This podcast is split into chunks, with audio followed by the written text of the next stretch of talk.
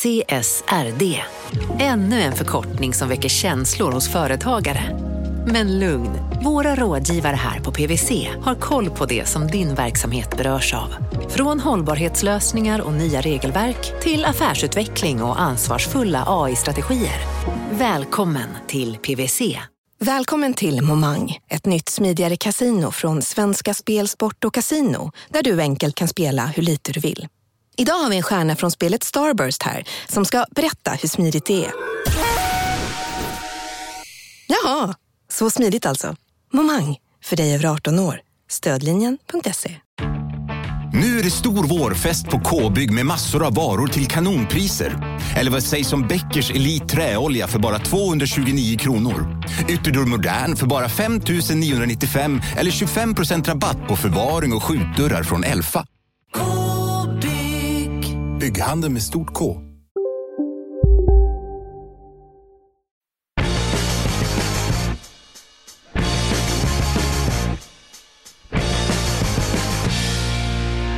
Insiderhandel på Coinbase. Nordkorea bakom megahacket och så lyckas man med ett NFT-projekt. Ja, det finns bara tre saker som är helt säkra här i livet. Det är döden, skatterna och att de kallar oss krypto kommer på torsdagar. Så även denna. Mårten Andersson heter jag. Jag är komiker, entreprenör och kryptofantast. Det kanske ni vet om ni har hört podden förut. Eh, och då vet ni också att i studion så sitter alltid eh, Sveriges eh, trevligaste och, och eh, ambitiösaste kanske ekonomijournalist. Wow! Gunnar Harrius. Tack, gud vad snällt sagt. Ja. ja, men du jobbar hårt alltså. Ja. Du, eh, eh, hur har påsken varit? Jo, den har varit bra. Jag har badat mycket i olika typer av kalla vatten. Själva. Har du gjort den här isvaks, hoppa på isvakstrenden? Nej, men den har varit levande i mitt liv eh, pre-trend. Aha. Eh, nu ligger ju inte isen längre heller, tack och lov, så att Nej. man slipper hugga upp olika grejer. Men min mamma bor så fördelaktigt att det finns en liten badbrygga där som man kan bada från. Och vad ger dig eh, de här baden, skulle du säga? Alltså framförallt en anledning att... Eh, Likes? Som du vet, som du följer mig på olika typer av sociala plattformar så är jag väldigt inaktiv. Men, men, eh, nej, men det får ju mig anledning att hålla på med mitt, mitt äkta stora intresse i livet som är att bada bastu. Eh, Ah, och så det, här är egentligen ett nödvändigt ont för eller för att förbättra bastun? Ja men lite så. Och sen så har det ju blivit så att jag eh, nu har liksom joinat lite the dark side som är så kanske man inte alltid behöver bastu ens. Men nu, nu under påsken så har, jag ändå, då har det varit eh, full bastu. Mhm. Mm, själv då? Mycket familjetid, mycket fix i trädgården som äntligen börjar se bättre ut. Eh, det roligaste tror jag med påsken var ändå att vi fick en påskpresent av min kompis Armin och det var en sån här robotdammsugare.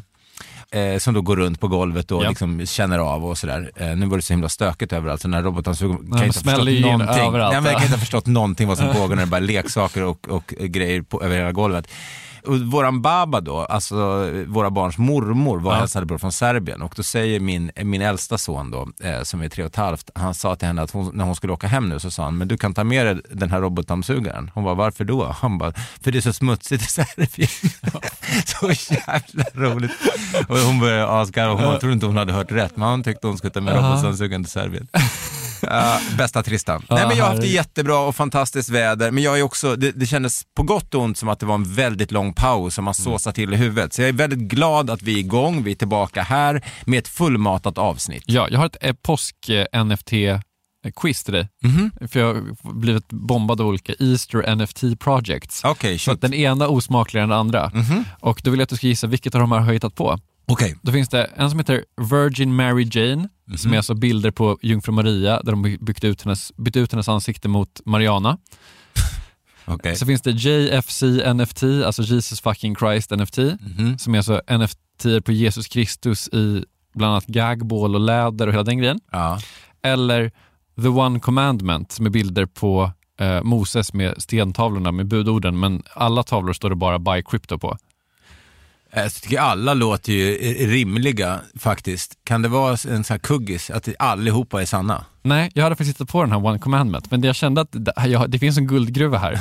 Då, du kan starta en Discord. ja, lägg ut på Elrond eller Ja, jag gör det. The Elrond Commandments. Du, eh, ska vi, herregud, ska vi eh, bara hugga i idag och, och bara gå rätt på nyheterna helt enkelt? Nu åker kryptotåget, häng med! Tut, tut. Förra veckan så publicerade Coinbase ett blogginlägg där de meddelade att nya, relativt okända coins kommer att handlas på plattformen. What is happening at Coinbase? Inget konstigt med det, förutom att en plånbok hade köpt sex av dessa coins till ett värde av 400 000 dollar bara tre minuter innan blogginlägget publicerades. Värdet på coinsen steg med 172 000 dollar efter att bloggposten lades upp. Kanske är det århundradets skickligaste trader vi har att göra med, men timingen har fått många att höja på ögonbrynen och säga att någon på Coinbase sysslar med insider trading. So this is the great fear of an unregulated market, which is that someone will take advantage of that to do something illegal, or maybe not illegal, just really uh, deceptive. En lite sämre affär verkar NFT-samlaren Sina Estavi ha gjort. För ett år sedan köpte Estavi en NFT av världens första tweet för 2,1 miljoner dollar. Nu la han ut den till försäljning för motsvarande 50 miljoner dollar, men ingen budade mer än ynka 240 dollar. Coindesk reports it closed Wednesday with only seven bids. The auction has since been extended in hopes of jacking up those bid prices. Kritiker menar att hela affären var ett PR-stunt från Estavi medan andra menar att det är ett bevis på att NFT-marknaden håller på att mogna och att vad som helst inte längre ger mångmiljonvärdering. Den nordkoreanska hackergruppen Lazarus kopplas till mångmiljonhacket av kryptospelet Axie Infinity. Det är amerikanska finansdepartementet som menar att det statsunderstödda hackerkollektivet låg bakom stölden av motsvarande 600 miljoner dollar i ether som genomfördes i mars i år när en så kallad bridge hackades. Underrättelsefirman Elliptic uppskattar att ungefär 18% av alla coins har tvättats sedan attacken. Den som väntar på proof of stake till ethereum har sannoliken fått vänta länge. Nu säger ethereum-utvecklaren Tim Bako att ethereum inte kommer gå över till proof of stake i juni som tidigare planerat. Skräll! Bako säger att det kommer att dröja ytterligare några månader, men att ethereum befinner sig i den sista fasen av bytet. Den som lever får se. En börsprodukt som följer priset på bitcoin är en fråga om när snarare än om. Det hävdar i alla fall investmentbolaget Grayscales VD Michael Sonnenschein. Sedan tidigare finns det börshandlade terminsprodukter i USA, men inga produkter som följer det så kallade spotpriset, alltså priset just nu. En spotprodukt anses enligt många experter vara den produkt som skulle bana väg för ett brett genombrott för krypto i finansvärlden. We are putting the full resources of our firm behind this initiative and to advocate for our investors. So it's a matter again of when, not if.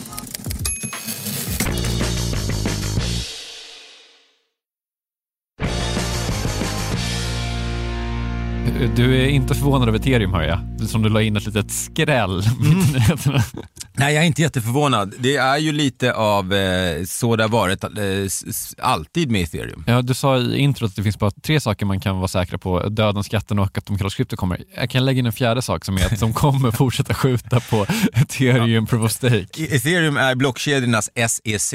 Ja. Eh, det gäller bara att skjuta på beslut. Eller beslutet är ju taget, men ja, vi får se. Jag, eh, kommer det ens hända 2022? Jag vet inte. Jag hoppas det. Man tänker ju också att det är väl bättre om de kan göra det och det funkar. Alltså, man får ändå ge dem det, att de, de kastar ju inte ut någonting liksom halvfärdigt. Nej, exakt. Eh, sen skulle jag bara vilja eh, prata lite snabbt om det här med att den här tweeten inte fick, eh, det måste väl då vara eh, den tweeten som Jack Dorsey Exakt. gjorde. Ja, det är den. Ja. Ja. och den köpte ju då han eh, NFT-storhandlaren, vad den heter, um, Estavi, Sina Mm. Estavi. Eh, och, och så la han ut alltså, Han verkar ju vara så jävla shady överlag och liksom var väl, hade något liksom förbud för att bedriva börshandel och vad det var. Typ. Och nu skulle han starta någon ny grej. Och många trodde väl bara att han la ut den här för att typ, påminna folk om att han ägde den och att, och att han finns. Typ. Det, Okej. är väl, det är väl det cyniska sättet att se det. Det positiva som du sa också är väl att man snarare kan se det som att så här, ja, men, den har ju absolut ingen utility i den här tweeten, det är väl bara liksom någon slags internet hall of fame. Typ. Och ja, kanske ska den inte vara värd så mycket. Ja, men precis. Alltså, det kommer ju knappast knytas ett DAO till den där tweeten. inte av en Estavi i alla fall. roadmap, ja den kommer ligga här. men, men det är ju ändå ett, ett tidsdokument och av, eh, av en enormt stor app som bara senaste veckan ju så la ju Elon Musk ett bud på att köpa Elon hela Musk som Twitter. sitter i DKOK-karantän vill vi bara vara. Ja just det, förlåt jag glömde det, så vi säger inte ens det. Men han tänker, jag tror att Twitter, eh, jag trodde förut att Twitter inte skulle överleva för att det kändes så, så hatisk, eh, Ja. nu är jag ju bara inne på krypto-Twitter, jag har ju tagit bort allt annat. Ja. Men eh, det känns som att Twitter eh, är väldigt, jag, alltså, jag är inte helt säker på att det, det var dåligt köp det där. Nej, men eh, jag skulle säga typ så här, eh, av den ganska slappa kritiken högerklicka spara som, som man ju hör till höger och vänster, så skulle jag säga att den är ju mer applicerbar på typ det här än Just vad det är på väldigt många andra projekt. Alltså för att, Ja, men det har du såklart en poäng i. ja, Eh, därför att när vi pratar om, och det, det är ju, när vi pratar om NFTs så finns det ju enorma möjligheter och, där de här högerklicka spara som, det är bara att säga så fast du har tyvärr inte fattat någonting. Nej. Men i det här fallet, som sagt ja, så kan man ju faktiskt säga att det är du kan ha det på din profilbild eller du kan ha, ha samma sak på en tavla hemma om du så vill. Eh, men då är det bara ägandet, men då är det, vad ska man med ägandet till? just det. Du, på tal om eh, möjligheterna med NFT eh, så tycker jag att det är väl läge att ta in vår gäst. Det tycker jag med. Hon är entreprenören, bloggaren och författaren som nu släpper en NFT-kollektion vid namn World of Alidia.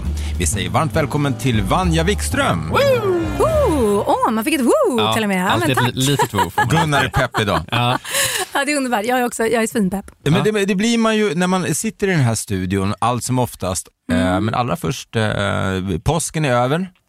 Ha- Har du överlevt? Du har också småbarn? Jag har, precis, jag kan säga att jag har varit på en vecka som har varit eh, den jag ska inte säga den värsta, men den mest intensiva i hela mitt liv. Jag har alltså åkt skidor med mina små barn som är tre och eh, åtta. Och den bästa veckan. För att just att så, här, åka skidor med mina barn har varit en så här, målbild jag haft i så många år. Och äntligen få till det, det var underbart. Svinjobbigt med alla grejer som ska av och på. Och det är pjäxor och det är skidor och det ska lyftas. Och liksom, men så himla kul. har du dem i koppel? Det har jag sett när jag när jag varit och åkt skidor någon gång, att så här, det är vissa föräldrar som har dem. Liksom, det heter har det. Jag tror det- en slags jag tror det heter sele. Och sen det liksom, men det är, se mig i ögonen och säga att det där inte är ett koppel. Var har ni koppel någonstans? Man bara, du, ska få en orosanmälan bara här. Jag hade ett koppel, jag hade ett koppel. Men jag har också överlät mina barn med varm hand till de fantastiska skidlärarna. Så att man fick åka lite själv också. Ja, vad härligt. Mm, så det var grymt faktiskt. Du, du har ju ett ganska digert CV som Mårten summerade på eh, några sekunder här nu. Är det liksom, eh, missade vi någonting eh, om man liksom inte känner dig, går att- att summera vem du är så att säga? Jag har- gjort väldigt mycket grejer. Allt ifrån att jag, det här var väldigt länge sedan när dinosaurierna gick på jorden. Då var jag låtskrivare och pysslade med musik. Till att jag har startat en e-handel som sålde, var väldigt nischad, sålde all amnings till ett träningskoncept som heter rimlig träning just för att här, jag hatar träning och det måste finnas ett rimligt sätt att ändå göra det på så att kroppen inte går sönder. Jag har en second hand eh, online-tjänst som heter greenkids.se där man kan eh, köpa och sälja barnartiklar. Jag gör mycket saker helt enkelt. Men den röda tråden är väl att det jag gör vill jag, jag vill att det ska komma någonting gott utav det. Jag vill givetvis tjäna pengar, jag är inte dum i huvudet, men jag vill att det ska komma någonting fint utav det. Jag vill att det ska liksom fylla en funktion som bidrar på något schysst sätt till världen. Okej. Ja, vad härligt. Alltså, serieentreprenör som nu då fått upp ögonen för, för krypto. Mm. Hur har det gått till? Egentligen så gick det till så att eh, jag och min kille Niklas, vi höll på och dafsade lite i bitcoin runt typ 2016-2017. Vi gjorde appar med en kille i Indien och eh, det utvecklade sig sen till ett bitcoin mining projekt i Indien som stötte på lite patrull så att efter att ha grejat runt med det där x antal gånger, alla som har varit involverade i krypto känner till det här med att man stöter på patrull. Det gjorde vi och då lämnade vi den världen helt enkelt för, för den omgången. Men sen för eh, ungefär två år sedan så fick vi ett förskott på ett arv så vi fick loss lite, en lite större summa pengar. och tänkte vad ska vi göra med pengarna? Vi vill investera dem på något roligt sätt. Vi började med fonder. Tyckte att det kändes lite tråkigt. Det var, gick lite långsamt. Tänkte, men det här med krypto var ju väldigt kul när vi ändå höll på att dafsa. Återvände, slank in i bitcoin, slank in i ethereum, slank in i flera altcoins, hittade NFT på vägen och sen så, eh, ja, Och vart är vi i tid när ni liksom eh, återvänder till krypto så att säga? eh, runt 2020 var det. Så att säg två år sedan ungefär. Och nu är vi har vi slunkit ner i kaninhålet. Fanns det någon som helst betänklighet kring att blåsa ett arv på krypto? Ja, men vi resonerade så här och, och det är väl så man ska resonera med alla typer av investeringar. Att investera inte pengar du inte är okej med att, bli av med. Liksom. Så att det här var bonuspengar som vi inte hade väntat oss och helt plötsligt hade vi dem och tänkte att vi vill göra någonting som vi tror på. Vi slängde ju inte ut dem på bara vad som helst men vi vill göra någonting vi tror på som ger lite högre avkastning. Högre risk, högre, högre avkastning. Ja, men eh, väldigt eh, valid point ändå. Så, att- så, så alla, det här är liksom, Släktingen är uppe i himlen och bara, vad i helvete? vad hette det? Elrond? Men okej, så eh, från en eh, relativt tidig eh, liksom, första möte med bitcoin då runt 2016 eh, och då mining, som, eh, vad var det som hände förresten som gjorde att det inte funkade? Var, man kan väl säga att det här, vår indiska samarbetspartner lovade runt och ja, det blev tunt helt enkelt. Ja, det som blev resultatet. Så att han hade varit jättebra i en massa andra sammanhang men just här så det var också väldigt tidigt och han stötte på en massa problem lokalt i Indien så att Jag förstår. det sket sig. Men från då det till att komma tillbaka och investera eh, pengar i, i själva coinsen då, eller ekosystemen om man så vill, ethereum och bitcoin. Vad, vad, var, vad är det som gör sen att det blir NFT och specifikt då det vi ska prata om eh, som du är här för då, World of Alidia. Ja, men det var att eh, vi kikade på olika altcoins, upptäckte Omi. Känner ni till Omi? Nej. Nej. Det, är ju, det finns en app som heter Vivi. Känner ni till Vivi-appen? Den har nog snurrat förbi, dock ska jag säga att eh, jag kan inte placera den i Men vi upptäckte eh, Omi helt enkelt, valutan Omi. Och den är, det är liksom som Vivi-appens token, det är deras interna valuta. Och i den här appen så upptäckte vi en massa fantastiska investeringar. Eh, de som har styrt upp den här appen det är några av världens eh, bästa inom licensing. Så de har säkrat licenser från Marvel och Disney till exempel. Det pratas om Pokémon och så vidare. Och Då slank vi in där och insåg... Vi, vi tänkte liksom att... Eh, för det är ju mer samlar-NFT. Det är inte Profile Pic Collections utan det är mer samlar-NFT. Och då tänkte vi att det som borde bli stort är det som blir stort i övriga samlarvärlden. Det vill säga first editions och så vidare. Och Då började vi grotta ner oss i det där. Och det var vår strategi att försöka haffa på droppen då när de släppte, att försöka haffa så mycket first editions vi kunde och de som verkligen stod ut. Om det var till exempel en eh, Marvel-tidning som var väldigt värdefull i den verkliga världen då, inom citationstecken och den översattes till en NFT så ville vi gärna haffa den om det var någon särskild konstnär som hade ritat den tidningen och sådär. Så att eh, vi gjorde ganska mycket efterforskningar och eh, de haffen vi gjorde gick väldigt snabbt upp i värde så det var liksom en bra strategi. Och då insåg vi att här finns ju jättemycket Dels pengar att tjäna, men det är också ett väldigt roligt sätt att tjäna pengar. Eh, och det, det tror jag många kan identifiera sig med. att Investerar man i krypto och framför allt kanske nft så investerar man ju så mycket mer än de här hårda tråkiga värdena med siffror. Utan du får ju community, du får ju konst, du får den här efterforskningsdelen, man får kompisar. Så att vi trivdes väldigt bra.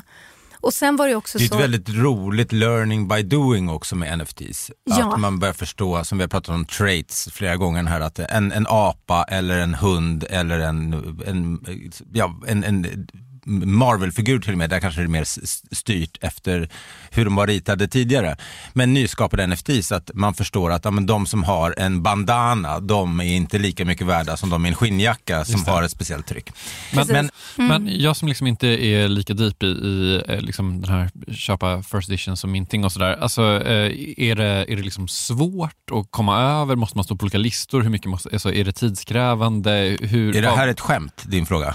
Nej, alltså jag vet ju att du Det har... är extremt tidskrävande. Ja. Alltså det, är så, det finns ju såna här roliga videor och memes på där liksom du sp- spring, åker rullskridskor baklänges, går på händerna och klättrar upp över liksom berg upp och ner för att möjligen, möjligen få komma med på en whitelist. Eh, alltså det, det är absurt och vad man kräver, många gånger kan jag tycka att det är till och med som spams.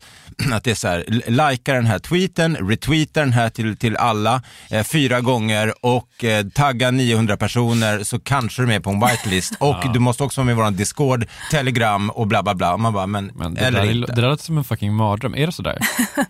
Ja, Det beror ju lite på vad man är då. Om man är i den här Vivi-appen till exempel där de släpper dropp, då handlar det om att du ska vara snabb. Och vi var väldigt tidiga i den här appen så då lyckades vi få eh, på droppen, alltså bara genom att trycka på en knapp helt enkelt, köp. Så då behöver man inte stå på någon whitelist eller så.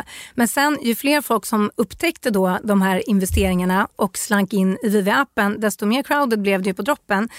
Då började vi utveckla tekniker. Så vi hade ungarnas paddor och sen hade vi alla våra datorer och sen hade vi alla telefoner och så satt vi och tryckte som sattar så här, tit, tit, tit, och liksom optimerade allt vi kunde för att man skulle liksom spara tid och att knapparna skulle dyka upp på rätt ställe så vi visste innan knappen dök upp exakt var på skärmen, de olika skärmarna var de dök upp så att man kunde liksom Jag älskar att knappa. ni har skapat en familjebot.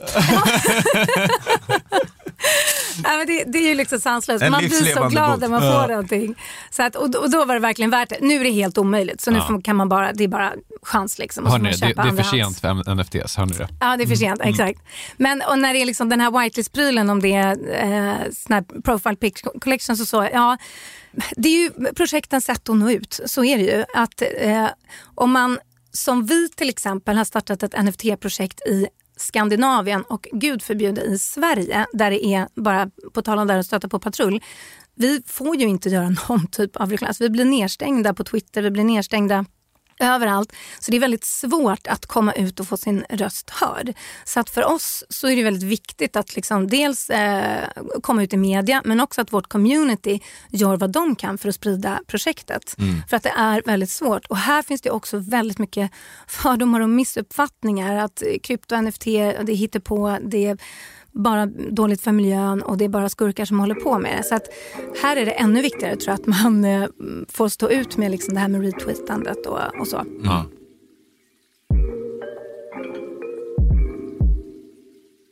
Men du, eh, World of Alidia, ni håller på med den här liksom eh, NFT whitelist, eh, retweeta, dri- driva ett familjeföretag för att trycka på knappar. Grejen, liksom, eh, hur, hur går liksom steget därifrån till att ni ska starta något eget? När vi hade varit inne i NFT-världen i x antal månader och investerat i ganska mycket olika projekt så eh, dels så tyckte vi att det var så otroligt kul men sen såg vi också hur saker skulle kunna göras bättre. Vi blev frustrerade när projekt gick åt, var i våra ögon då, liksom fel håll eller att de inte höll vad de lovade och så vidare. Och så gjorde vi lite så här som man gör kanske i början, att man försöker föreslå till de projekt man är engagerad i att vi skulle uppskatta om ni gör så här eller kan vi tänka på det här, kan vi ta oss åt det här hållet. Eh, men när man inte blir lyssnad på så blir det ju till slut sådär att eh, äh, vi gör det själva istället. Och så såg vi liksom en möjlighet att vi har nu en fantastisk möjlighet att skapa det optimala NFT-projektet utifrån vad vi skulle uppskattat. Det vill säga med fantastisk konst, med ett eh, jättestarkt communitybyggande där man återinvesterar i sitt community. För där kunde vi också känna att liksom när projekten hade mintat och ägarna fått in sina 30 miljoner men vad, vad gör ni då för oss, vi som är era nästan aktieägare? Vad, vad är det vi har investerat i? Eh, just då, också det här med att liksom lova runt och hålla tunt och, och sådär. Så att vi ville liksom skapa ett, eh, ett riktigt grymt projekt som man också kör på lång sikt. Vi ser ju det här som att det här kommer vi göra i resten av våra liv. Och när projektet har mintat och vi har fått in våra pengar, det är ju då det börjar för oss. Vi kommer ju inte dra till Bahamas och bygga hus och liksom ligga på stranden resten av livet utan då, Vår belöning kommer om kanske fem år eller liknande eller kanske tio år. När vi har återinvesterat, byggt upp våran medlemsklubb, gjort alla saker som vi vill göra för vårt community och, och byggt ett liksom globalt varumärke. Det är det vi satsar på. Och det jag tänker som är lite coolt eh, med NFTs är ju från att ha varit kanske, om vi pratar CryptoPunks eller vi pratar liksom Bored Ape och så vidare, där det egentligen, okej okay, Bored Ape var ett dåligt exempel, men de tidiga NFT-erna som kom, som egentligen var Profile Picture eh, NFTs, som du eh, kallar dem, att det då med Bored Ape till exempel bli, har ju blivit mycket mer att vad, inte bara vad gör ni sen med våra pengar, men vad, vad kan rymmas inom en NFT mer än bara en bild. Om man pratar då om DAOs och så vidare som går in och gör roadmaps där man återinvesterar saker i andra projekt på samma blockkedja. Eller att man liksom, och det är ju egentligen att det som man om man frågar någon folk på stan, tror de ska säga, men vad är en NFT? Så skulle man säga, ja ah, men det är typ de här Bored Apes, men vad vet du om det? Ja, jag tror inte att man tänker då att det som du sitter och berättar, att det, det är ju mer eller mindre ett, ett, en NFT eller en kollektion om man så vill, kan ju vara en medlemsklubb och det kan vara liksom, eh, jag menar, det finns ju inga begränsningar. Nej. Det är ett företag egentligen, ett modern typ av företagande, som en startup. Just det. Mm. Det är egentligen det ni gör. Exakt.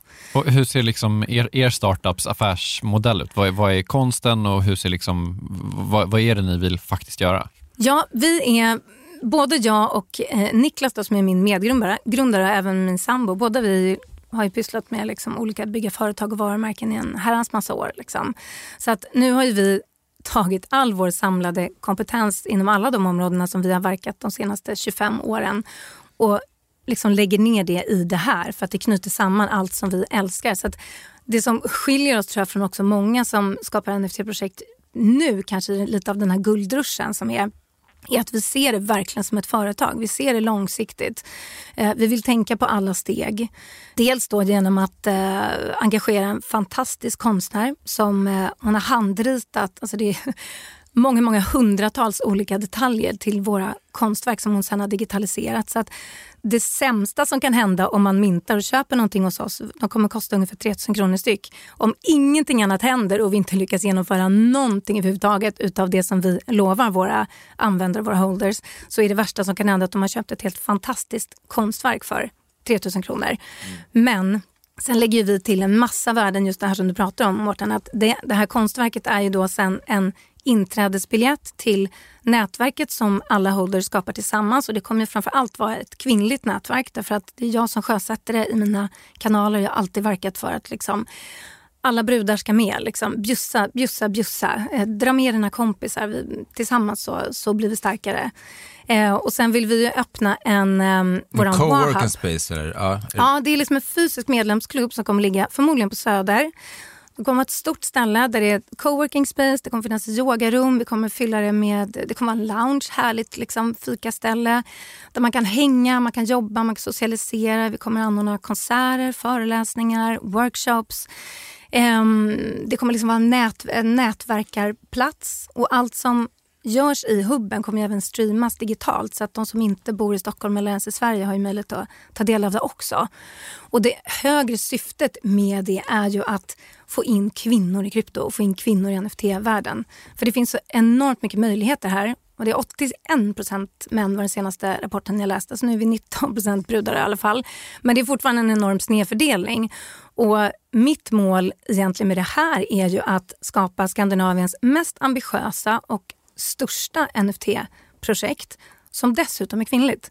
Eh, Jag vill inte att det ska vara det här är det största kvinnliga projektet. Nej. Utan jag vill att det här är det största projektet och så var det kvinnligt. Jag vill för en gångs skull så tycker jag att vi förtjänar att komma etta. Och inte alltid vara den här ständiga tvåan. Och det som är roligt nu är ju att i dagsläget så tror jag att i våran Discord så har vi nog, om inte det största, men bland de största NFT-communityna i alla fall i Sverige. Och det är ju 99% kvinnor där i. Där man liksom lär sig om krypto och lär sig om NFT och pratar om föräldraskap, träning, eh, odling, mm, populärkultur. Liksom. Mm. Jag är faktiskt eh, inne och eh, vad säger man, lurkar i den discorden. Har du kikat i discorden? Ja, Ja, vad kul. Åh, någon välkommen. slags- tack så jättemycket. Eh, jag, tänker vi kan, eh, jag pratar jättegärna mer om den lite strax, men bara först det här med den här eh, hubben och liksom coworking space. Alltså hur finansieras det? Mm. Hur, hur, hur ser liksom procentfördelningen ut här? Ja, var kommer pengarna ifrån? Och Ja. där. Ja. Eh, nej men, när vi, pengar, den största summan kommer komma från mintning eh, såklart. Då får man in ganska mycket pengar förhoppningsvis. Eh, och Och sen, hur, hur många ex är ni, ni säljer? vi har 10 000 unika NFT i vår kollektion som säljs för 3 000 svenska kronor ungefär styck. Ja. Då. Vi kommer försöka lägga oss så att det blir ungefär 3 000 svenska. Mm. Man köper dem i ethereum. De kommer ligga på ethereum. Så att där kommer ju liksom vårt stora kapital in. Vi har ju en del privatkapital också som vi tar utav nu eh, innan vi har liksom fått in våra mintpengar. Men sen när det rullar så är ju eh, royalties från försäljning. Där kommer vi ta 9% i royalties som går tillbaka till projektet. 10% av våra royalties också kommer att gå till en community wallet där vi investerar i kvinnliga konstnärer och kvinnliga företag. Så att till exempel eh, folk som vi bjuder in till hubben för föreläsningar eller att vi köper in kvinnliga NFT-projekt eller kanske hjälper kvinnliga konstnärer att skapa NFT av sin konst och så vidare. Det kan vara allt möjligt, behöver inte vara kryptorelaterat. 5% kommer gå till ME-forskning. En jättepissig sjukdom som min sambo lider av, som är en kronisk sjukdom där det inte finns så mycket hjälp att få. Så där vill vi försöka göra en insats. Sen i våran hubb så kommer vi ha ett NFT-galleri där vi dels gör, dels kommer visa våra egen, egna NFT, man kommer kunna köpa dem. Men sen kommer vi även göra investeringar likt de vi gör privat. Att vi köper in projekt som vi tror på som kommer gagna communityt och eh, ja, göra bra investeringar helt enkelt. Sen på längre sikt så har vi också, vi har ju skapat då World of Olivia. det är ett helt universum med en massa olika karaktärer, det är en hel värld. Och där har vi planer på en barnfilm på barnböcker för vi har gjort eh, barnfilmer tidigare, gjort mycket barnprogram och eh, vi har merch på gång som redan är liksom i eh, full rullning och, och sådär. Vem är Alidia?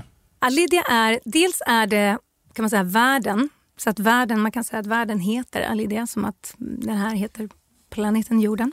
Eh, men sen är det också en figur i, eh, i den här eh, världen och de planer vi har än så länge är att i vår barnfilm så kommer hon vara ett barn. Hon är vuxen idag så vi kommer göra en NFT på just Lydia men som i en vuxen version. Mm.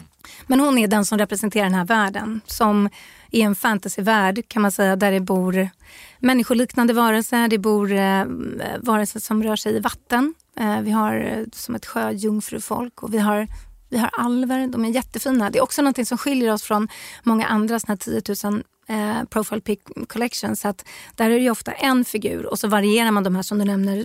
Bandanas, skinnjackor, solglajjor, laserögon, mm. bakgrunder. Men vi har om det är fem eller till och med sex olika karaktärer inom vår kollektion som vi sen också då varierar på olika sätt. Just det. Bara en liten detaljfråga, eh, jag som inte är så inne i, i liksom hela den här svängen. Community wallets procent till det, vad, vad betyder det rent, eh, liksom, vad, vad, vad, är det? Det betyder att utav de royalties som vi får tillbaka på försäljning så ger vi tillbaka till communityt så att de tillsammans med oss är med och investerar i då till exempel, vi vill ju väldigt gärna stötta kvinnor och få in kvinnor i krypto-NFT. Mm.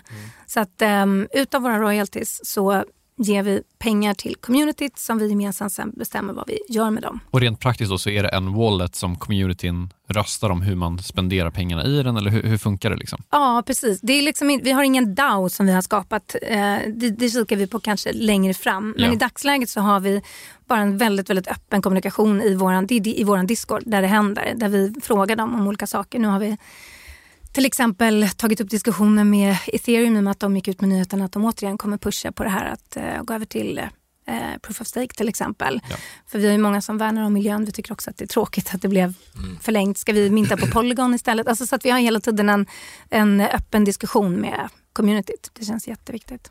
Och vad är, eh, vad är det satt för datum på mint?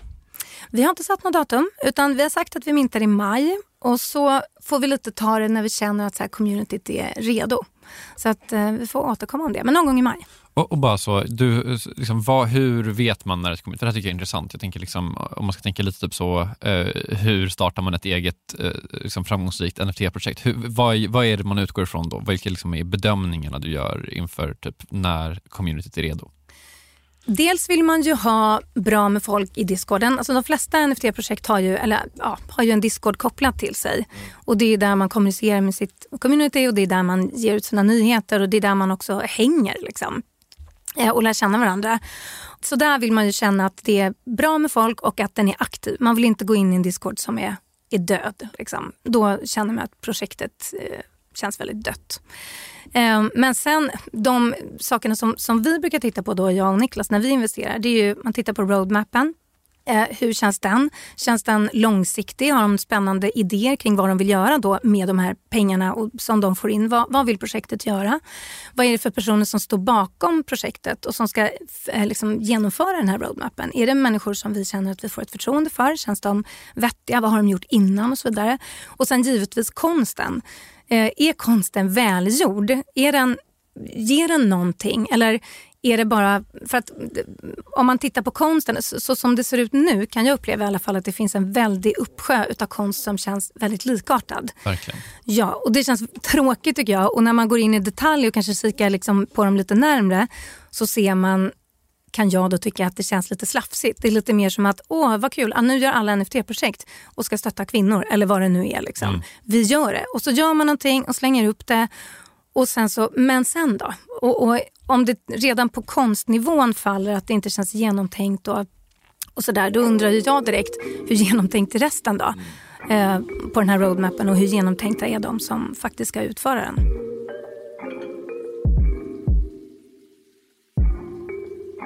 För jag tycker det är intressant det du säger om, om discorden och liksom stendött och allt det där. För jag är med i kanske 200 olika NFT-discords bara i så, så research-syfte. Bara så kollar vad, men, hur, hur är det, hur funkar det, vad, vad, vad händer i de här liksom, olika servrarna.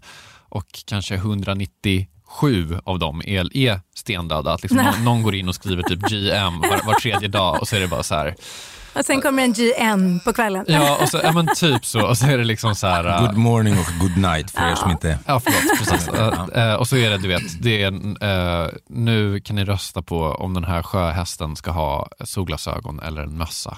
Alltså det är typ den nivån typ. Och det känns så jävla vanligt att, det, att många projekt hamnar där liksom hur gör man för att undvika det? Alltså det, måste, det måste ju finnas en sån liksom NFT-gravplats som man vill undvika. precis. Eh, ja, eh, vår Discord då är ju eh, ska jag säga, motsatsen till stendöd. Ja, för det skulle jag också säga och kolla på lite grann. Alltså den är den är väldigt mycket aktiv. Hur, hur uppnår man det?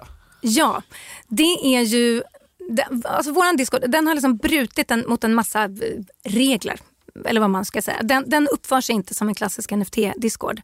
Eh, utan i en klassisk NFT-discord så finns det finns ett, några olika kanaler men man är lite sådär varsam med att öppna fler för man vill inte vattna ur de kanaler som finns, de chattkanaler som finns utan man vill att går någon in i discorden så vill man att det ska finnas aktivitet i huvudkanalen. Liksom. I våran discord så tror jag att vi är uppe i ja, vi närmar oss 20 olika kanaler nu. Eh, det här som vi pratade om med liksom odling, föräldraskap, eh, kläder, biotips, eh, spiritualitet. Det finns hur mycket som helst. Och det har ju vuxit fram på våra communitymedlemmars begäran. Och den stora skillnaden som jag ser med World of Lydias community och andra communities som vi är med i, andra projekt som vi har investerat i, det är att det är kvinnor. Och vilka är fantastiska på relationsbyggande, på kommunikation, på att skapa communities i alla delar av världen på alla olika sätt? Jo, det är kvinnor. Så att det är också därför som jag tycker att det är så viktigt att få in kvinnor i krypto-NFT. Därför att jag tycker att vi passar väldigt bra här. Jag tror att vi är optim de optimala liksom, investerarna att förstå projekt. Jag tror att vi är de optimala personerna att skapa projekt som blir väldigt värdefulla eftersom NFT handlar så mycket om community-delen. Mm. Men finns det inte en, en risk, tänker jag, att, eh, också att jag, menar, jag, jag, tycker det både är smart och kanske oroväckande att det ni gör är att ni på ett smart sätt då, eh, det här är högst personliga åsikter jag kommer med nu, men att ni eh, bjuder in till att verkligen försöka förklara vad krypto är och sådär. Men finns det inte, och, och istället för att bara fokusera endast på projektet, det såg man även i en pressrelease och, och, och liksom lite mer info om projektet, att ni verkligen säger, men vad är en, en NFT? Varför ska man köpa en NFT? Vad är kryptovalutor och så vidare? En utbildande del som ju är imponerande. Men finns det inte en risk då också, tänker jag, om man har stickning, om man har massa grejer som är så här, att det bara spretar något enormt och man kommer just från kärnan i det här varför folk borde vara med i er Discord? Vi ser inte så, utan vi ser det som en enorm fördel. För att vi ser det här att vi har det här lite first mover advantage nu. Att det finns inte så många som gör det här i Sverige. Så att vi står med en öppen famn. Vi välkomnar alla nybörjare, framförallt kvinnor, till en, en trygg plats där man kan lära sig om krypto och NFT. Där inga frågor är dumma frågor. Där communityt lär varandra. Alltså 99% av de som i med communityt nu i discorden, de kunde ju ingenting, de visste knappt att NFT existerade för sex veckor sedan. Mm. Och nu har de kryptoplonkar, de köper ethereum, de investerar i NFT-projekt och de utbildar varandra. Så att eh, eh vi ser det här som egentligen mycket större än vårt personliga, det här World of Lydia NFT-projektet. Det är ju vårt hjärteprojekt och det är liksom knytpunkten i detta. Men vi ser ju det här som den stora skandinaviska NFT-rörelsen som vi sätter igång. Att vi sätter igång en gräsrotsrörelse genom att välkomna alla de här personerna som kanske aldrig skulle våga ta steget in för att de känner sig dumma eller exkluderade eller bara inte bekväma i spacet annars. Mm. Och sen sprider ju de i sin tur dels eh, krypto, NFT, alla fördelar och möjligheter som finns men då sprider de ju också vårt projekt. Eh, så att vi brukar alltid säga att så här, det högre syftet med World of Lydia är att få in kvinnor i den här världen. Och Det gör vi ju inte om vi liksom säger att nej, ni får bara prata om, om oss. Eh, utan tvärtom, gör precis vad ni vill. Ni är med och skapar det här spacet. Vi vill att ni hänger här. Mm. Och Det är det som har blivit så himla himla bra eh, i det här. Vi har liksom, det är en väldigt annorlunda plats. Eh, bara det här att i början så stängde alla, vi satte upp det som en vanlig Discord liksom. Och i början ja. så stängde våra säkerhetsbottar av våra medlemmar konstant. Satte dem på timeout, alltså straffade dem i, i två minuter så att de inte fick prata. Och så Anledningen var att de använde för många emojis. Och det säger någonting om att så här, det här spacet är inte skapat för den här gruppen människor. Eh, så att det behöver utvidgas och där är vi med och skapar en ny typ av plats, tänker utanför boxen för att också få in en ny typ av människa i det här spacet. Mm. Jag tänker att det finns väl, eh, nu pratar om liksom, eh, det kvinnliga communitybyggandet och det är svinsant och liksom att det, det, är en, det är en untapped market lite grann om man ska vara superkrass. Mm. Jag tänker att det finns en annan eh, skillnad också mellan det ni håller på med och därför, alltså anledningen till att ni ändå har en, en levande Discord. Det är väl lite, om man ska vara ärlig, att du ju, har ju ett community sen innan som du kanske ja, absolut. Eh, som du liksom kunnat bygga vidare på. Det är kanske inte bara så eh, copy-paste liksom på, på den grejen, eller hur tänker du där? Självklart, och det har ju varit liksom start, startskottet att jag har kunnat få in eh, mina följare. Jag bloggar, ju, instagrammar och är liksom, har en influencerprofil också som jag har jobbat med i några mm. år. Eh, och, eh, men där trodde jag, jag måste säga att jag är extremt förvånad över hur många av dem som faktiskt är taggade på att gå med i det här. Jag trodde att tröskeln skulle vara enormt mycket högre. Därför att nämner man NFT till vem som helst så är det liksom, uh, mycket av de nyheter vi ser är ganska negativt fokuserade om man tittar på liksom vanlig typ av mainstream media i alla fall. Eh, och att just att det känns lite täckigt, lite krångligt. En Discord är liksom, det är ju så PC-aktigt uppsatt som det kan bli. Det är, liksom, det är inte det här härliga Apple och ljusa färger och liksom drag and drop-spacet utan det är så här, ah, du kan inte använda stora bokstäver när du skapar kanaler. Och du kan inte, alltså det är väldigt liksom, mm. det är ett jättebra verktyg. Men, eh, så att jag tänkte, liksom, får vi in 100 pers i den här discorden första veckan så är jag sjukt nöjd. Hur många är ni idag? Ja, nu är vi 1200 och vi har varit igång kanske fyra veckor. Då. Mm. Så att, eh, och det, det liksom kommer in hela tiden och folk tipsar sina syskon och vi har lite liksom par som har hittat det som en uh, rolig gemensam grej och liksom utforska tillsammans och sådär. Så att, uh, men, men visst är det absolut en framgångsfaktor so far att jag hade ett community som jag hade möjlighet att bjuda in. Mm. Och sen att de ville hoppa på så pass många av dem är jag jättetacksam för. Men vi kommer ju inte klara det, här, vi är inte färdiga liksom. Och det här är ingenting som kommer flyga 100% för att med, med de vi har nu. Utan vi behöver fortfarande liksom nå ut till fler såklart.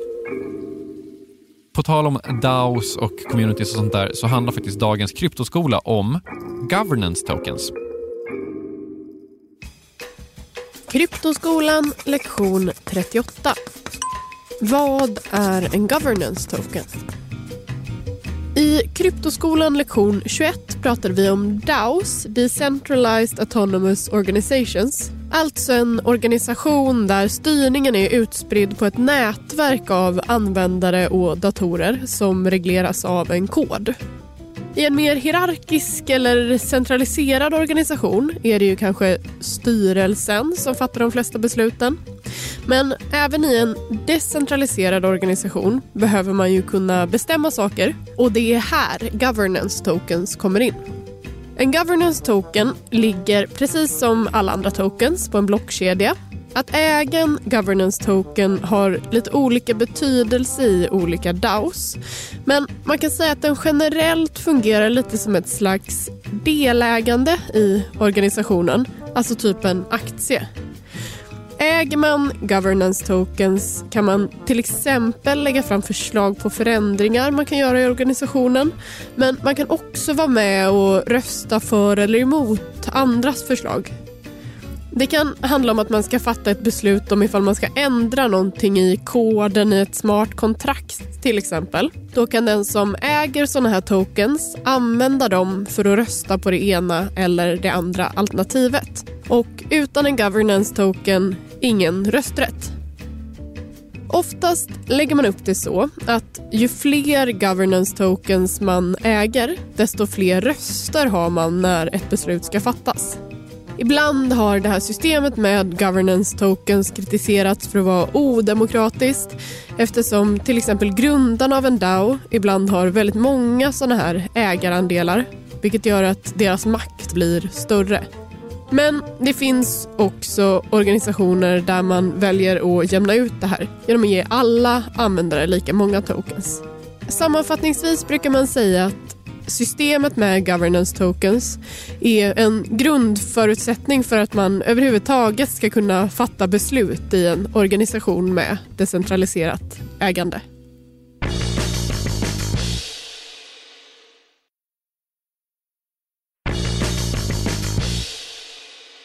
Vad händer om, för det händer ju faktiskt, eh, att man stöter på, man, man går in i någonting man tror ska bli väldigt bra, ett NFT-projekt och sen så lyckas inte ens minten sälja slut. Har ni, vad skulle hända om det inte alls blir som ni har planerat? Mm.